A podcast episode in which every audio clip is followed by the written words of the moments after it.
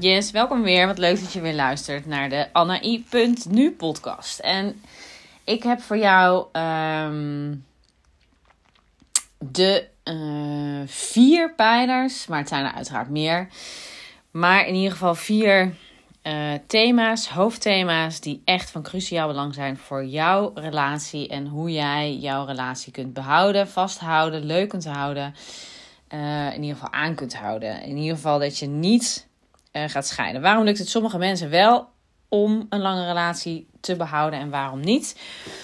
En um, ik heb, um, denk ik, een, een, een verhelderende uh, nou, samenvatting voor je gemaakt. ook aanvullend op de vorige podcast, waarin ik in ieder geval één cruciaal ding besprak. ja, wat echt, van releva ja, wat echt relevant is, dat je echt ja, jouw, uh, jouw mindset um, ombuigt.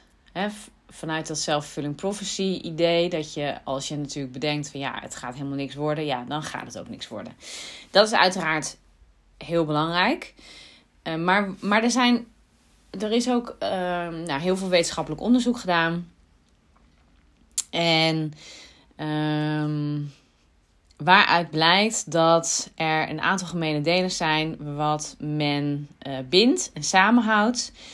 Um, en ik denk dat je er een aantal echt wel kent, maar ik denk ook dat je over een aantal misschien verrast bent. Nou ja, ik weet het niet. Ik ben in ieder geval benieuwd wat jouw reacties zijn. Sowieso leuk om al van jou te horen, want uh, de podcast is natuurlijk vrij anoniem. Maar um, nou, om maar met de eerste hè, in uh, te beginnen.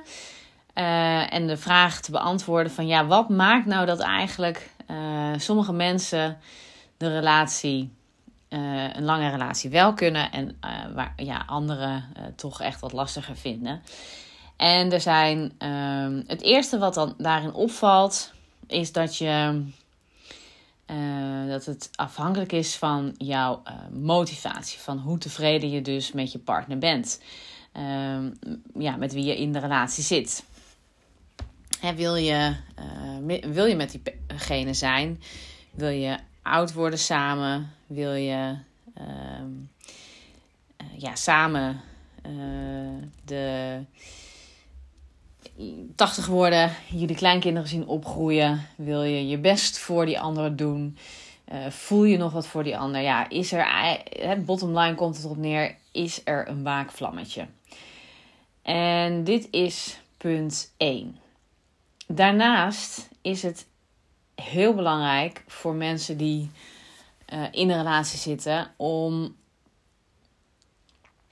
te weten wat, um, uh, wat de eventuele alternatieven zijn van uh, het niet meer in een relatie zitten. Dus, dus in hoeverre vind jij het bijvoorbeeld geen probleem om uh, single te zijn? Kun je dit ook best wel goed? Uh, of is het jouw schrikbeeld? Of um, voel jij, nou ja, voel je je dan echt uh, compleet alleen? heb je nooit echt geleerd om voor jezelf bijvoorbeeld te zorgen? Weet jij echt niet hoe de wasmachine werkt, de afwasmachine werkt? De, Um, nou ja, kun je nog net een ei bakken, maar, maar dan houdt het wel wat op. Um, al dat soort regeldingen. Um, ja, wat speelt daarmee? Hè? En, en natuurlijk, ja, is, is er dus um, is er een ander eventueel? Hè? Kan je jouw gat, uh, jouw, jouw eenzaamheidsgevoel misschien ook wel gelijk opvullen met uh, een eventuele ander? Want dit maakt natuurlijk dat je je. Um, nou ja, dat het alternatief minder, uh, minder ernstig is voor jou. misschien heeft je partner wel hetzelfde. En dat, je, dat er misschien wel anderen zijn die daar uh, een heel stuk kunnen opvullen. Voor zover dat op te vullen valt. Hè? Want het zijn natuurlijk altijd twee uh, verschillende personen en invullingen. En um, nou wordt ook niet altijd even uh, goed ingezien van wat nou uh, een tweede relatie of een samengesteld gezin of um, nou, inhoud en wat dat voor jou gaat uh, geven. En het derde wat opvallend is en wat um, veel wat, wat meespeelt, waardoor mensen um, nou ja, langer in een relatie blijven en hun relatie behouden, is in hoeverre ze uh, investeringen hebben gedaan. Dus hebben ze samen, bijvoorbeeld kinderen, heb je samen kinderen, heb je een huis gekocht. Misschien heb je wel gezamenlijke business, ben je financieel hartstikke aan elkaar verbonden. Um, samen herinneringen opgedaan, reizen gemaakt, uh, heftige gebeurtenissen doorgemaakt. Um, misschien heb je wel uh, jullie kind samen moeten, um, moeten begraven. Heb je een rouwproces doorgemaakt. Nou ja, al dit soort dingen, dat zijn, dat zijn natuurlijk enorme investeringen. Of, of familie, gezamenlijke vriendenkring, schoonouders. Nou ja, deze, deze, dit zijn dingen en die, deze zullen voor jou waarschijnlijk niet enorm uh, vernieuwend zijn. Maar uh, daarbij komen, uh, komt er dus ook een factor in hoeverre hè, moet je iets kunnen om dus een, een lange relatie kunnen vasthouden. En daar, um, dat is wel grappig, want het is, het is op zich een hele aannemelijk. En ook ik als therapeut heb daar altijd wel. Um, bekijkt dat altijd. In hoeverre kan iemand implementeren? In hoeverre kan iemand ontvangen? In hoeverre is iemand uh, reflectief? Ja, in hoeverre kan iemand naar zijn eigen aandeel en die van die ander uh, kijken? Um, en daar blijkt dus dat het onderdrukken van je impulsen echt een hele belangrijke is. En we kunnen ons daar best wel eigenlijk iets bij voorstellen. Kijk, als jij ruzie hebt en je, um, nou ja, uh, of, of er is iets heftigs gebeurd, of, of nou ja, laten we, stel dat die ander is vreemd gegaan, dan kan je best wel de neiging misschien hebben. Um, alhoewel er twee reacties zijn. De eerste is uh, dat een beetje dat fight-flight uh, systeem treedt dan op. Uh, in de meeste gevallen. En dus de ene persoon wil echt vluchten en er helemaal niks mee te maken hebben. En uh, ja, um, maakt het uh, gelijk uit. Maar er zijn natuurlijk ook echt wel fighters in, het, in de wereld die dan in de um, vechtmodus komen en dan wraak willen nemen. Dus um, zelf ook vreemd gaan of willen vreemd gaan. En het blijkt wel dat als je, en dat is natuurlijk helemaal niet verwonderlijk, dat als je natuurlijk uh, dan ook vreemd gaat, dat je dan alle twee vreemd gaat en alle twee wraak genomen hebt en alle twee, nou ja, dat dat allemaal vrij, uh, uh, nou ja, pijnlijk kan zijn, veel wonden kan maken, eh, zinloos kan zijn uh, veel nieuwe materie uh, aandraagt voor eventuele uh, frictie, ruzies, um, nou, met alle gevolgen van dien. Dus op die momenten, um, als er dus iets gebeurt, is het dus heel belangrijk om jouw impulsen te kunnen onderdrukken. Dus je eerste wraakgevoelens bijvoorbeeld in dit geval. maar ook in een wat simpelere ruzie Um, ja, dat je soms best wel lelijke dingen wil zeggen, maar dat wanneer jij dit kan onderdrukken, dus uh, binnen kan houden, of zegt, joh, weet je, nu ben ik echt te woest uh, en boos, ik uh, doe even een ommetje. En dat je dan in een wat rustiger emotionele sfeer, zeg maar, terugkomt en, erop, en er ook op terugkomt. Dat je dat helpt. Dat dat jou dat dat de stellen zijn die een lange relatie uh, kunnen hebben en aangaan. En het tweede wat daar relevant ook bij is, is dat je kunt vergeven. Dus dat je ook wanneer jouw partner eventueel, ja, we zijn allemaal mens, we kunnen een fout begaan. En um, dat dat niet ook direct hoeft te betekenen dat het het einde van de relatie is. En dat, um, dat je dit ook echt kunt vergeven. Want er zijn mensen die uh, zeggen dat ze iets vergeven hebben, maar vervolgens wel twintig jaar later nog die oude koe uit de sloot kunnen halen. En er toch uh, nog enorm emotioneel over kunnen zijn. Ja, dan, dan heb je dat natuurlijk niet ver, vergeven. En dat is ook iets wat ik heel veel natuurlijk zie. Um, dat dergelijke thema's dus altijd wel terugkomen in een, een, een, een, wat heftige ruzie bijvoorbeeld. En ehm, ja, dan, dan hebben we het niet over vergeven, dan hebben we het over ja, een onverwerkt stuk. Ehm, en ehm, wat nog wel tussen jullie in staat.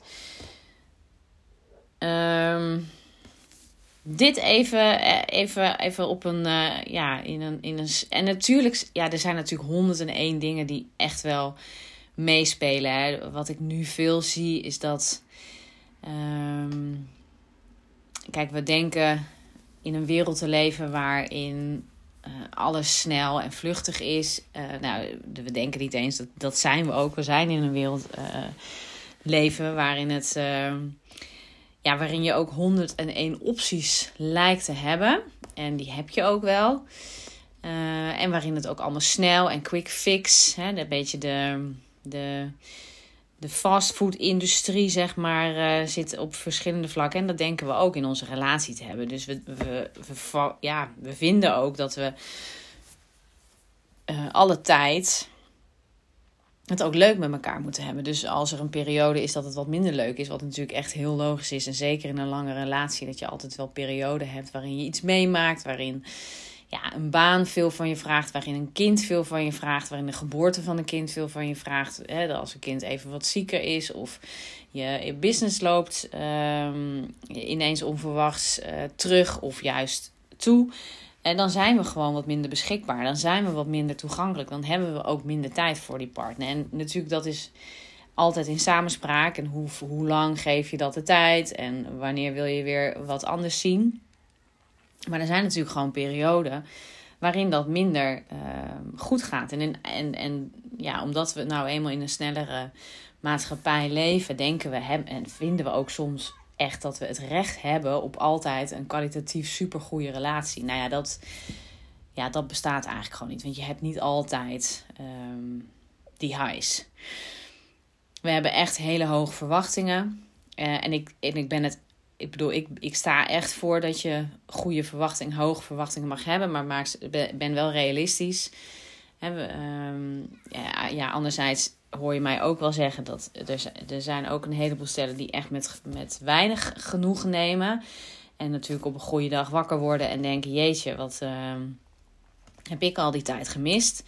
Ja, dan hebben we een ander verhaal. Maar ja, het is dus altijd uh, persoonafhankelijk. Dus ja, als jij je nu aangesproken voelt of niet, bekijk dan waar gaat dit over? Hè? Wat, wat roept dit bij jou op? Ben jij iemand die mm, echt uh, veel, veel meer waard is hè, en veel meer gezien mag worden door je partner? Of ben jij iemand die echt wel gezien wordt door je partner, maar vindt dat je altijd on top of the world moet zijn uh, en helemaal in die, in die highs elke keer moet zitten? Uh, en dus elke keer ook, um, nou ja, wat extremere dingen bijvoorbeeld gaat oppakken. Dus dat laat ik even nu bij jou. Ja, we denken dat het gras echt wel groener is um, bij de buren. En dit is niet het geval. Absoluut niet. Ik, ik kan daar mijn hand voor in het vuur steken. Uh, ik heb zoveel stellen inmiddels gesproken. Er is als, ook al lijkt het van de buitenkant fantastisch, niks aan de hand. Er is altijd iets. Er is altijd iets. En soms wel veel groter dan dat jij uh, doorhebt en ziet. En wat misschien ook iemand zelf niet ziet. En het laatste wat ik in deze podcast nog wil bespreken is kwetsbaar durven zijn. Wederzijdse afhankelijkheid. Het lijkt iets, iets enorm gruwelijks en veel mensen vinden dit ook een, een vies woord. Hè. We zijn heel erg natuurlijk op het individu gericht, op de autonomie gericht. Uh, de vrouwen hebben een ongelofelijke um, ontwikkeling doorgemaakt, wat ik ook enorm toejuich. Want we, we komen natuurlijk ook wel echt van um, een veel meer ongelijkere situatie. En dat is in veel delen van de wereld nog altijd aan de hand. Um, maar we zijn daarin wel in sommige gevallen en ook hierin, hè, ja, bekijken of dit voor jou van toepassing is. Maar soms zijn we hier ook echt in doorgeslagen dat we compleet autonoom willen zijn en niks willen aannemen en alles zelf willen doen en heel erg sterk denken. Hè, ik dop mijn eigen boontjes, dit lukt mij wel. Uh, en dan op, ja, nou ja, enorm belast bijvoorbeeld gaan worden. En dan tegen die burn-out zitten met ja, het lukt me echt niet. En help, hoe moet ik nu om hulp eigenlijk vragen? Hè? Hoe doe je dat op een correcte manier? Dit is wel iets wat ik ehm, met name bij de vrouwen uh, regelmatig tegenkom. Hè. Dat ik, ik werk met autonome vrouwen, zelfstandige vrouwen, ambitieuze vrouwen. Um, die echt heel goed hun eigen do, dop, uh, boontjes kunnen doppen. En nou ja, financieel ook gewoon on, onafhankelijk zijn. alle, alle, al, die, al die dingen. maar dan emotioneel um, het niet toelaten dat hun partner hem bijvoorbeeld van een bepaalde zwakke kant ziet. Of dat ze zich niet getroost, uh, niet, niet kunnen laten troosten. Hè? Dus, um, en dan echt, dus dat je daar ook weer van herstelt en energie van opdoet. Want dat gebeurt er als je ja, als je je echt verbonden voelt en kwetsbaar durft opstellen naar je partner. Alright, resume. Uh, de belangrijkste dingen voor wat we dus terugzien in, bij mensen die een lange relatie kunnen hebben. Is, ben je gemotiveerd? Wil je met die partner zijn? Zijn er alternatieven? is, is single zijn jouw schrikbeeld of niet? heb je een ander of is er eventueel een ander of niet? En wat voor investeringen heb je gedaan? Hebben jullie kinderen, huis, gezamenlijke business, financiën? En in hoeverre ben je goed in de impulscontrole? En in hoeverre ben jij goed in het echt vergeven van jouw partner als er eventueel een misstap wordt begaan? En in hoeverre denk jij dat het gras groener is bij de buren? Want nogmaals, dit is niet het geval. In hoeverre kun jij je kwetsbaar opstellen naar je partner? En um, ervaar je dus die wederzijdse afhankelijkheid. Alright, mocht dit nou bij jou iets oproepen, uh, ik vind het altijd heel leuk om van jou te horen. Om te horen wat deze podcast met jou doet, wat je eraan hebt en of wat juist niet. Um, laat het me weten. Stuur me een DM of een mailtje. Uh, en eh, als jij denkt: hey, ik zou um, meer willen weten hierover, uh, willen weten wat ik eventueel voor jullie kan betekenen en of ik jullie kan helpen, dat zal ik altijd eerlijk bespreken met jullie. En um, als dit niet het geval is, zal ik ook mijn advies hierin over delen. Um, plan dan jouw call. De, de link vind je in de show notes. En ik spreek je heel graag in de volgende podcast.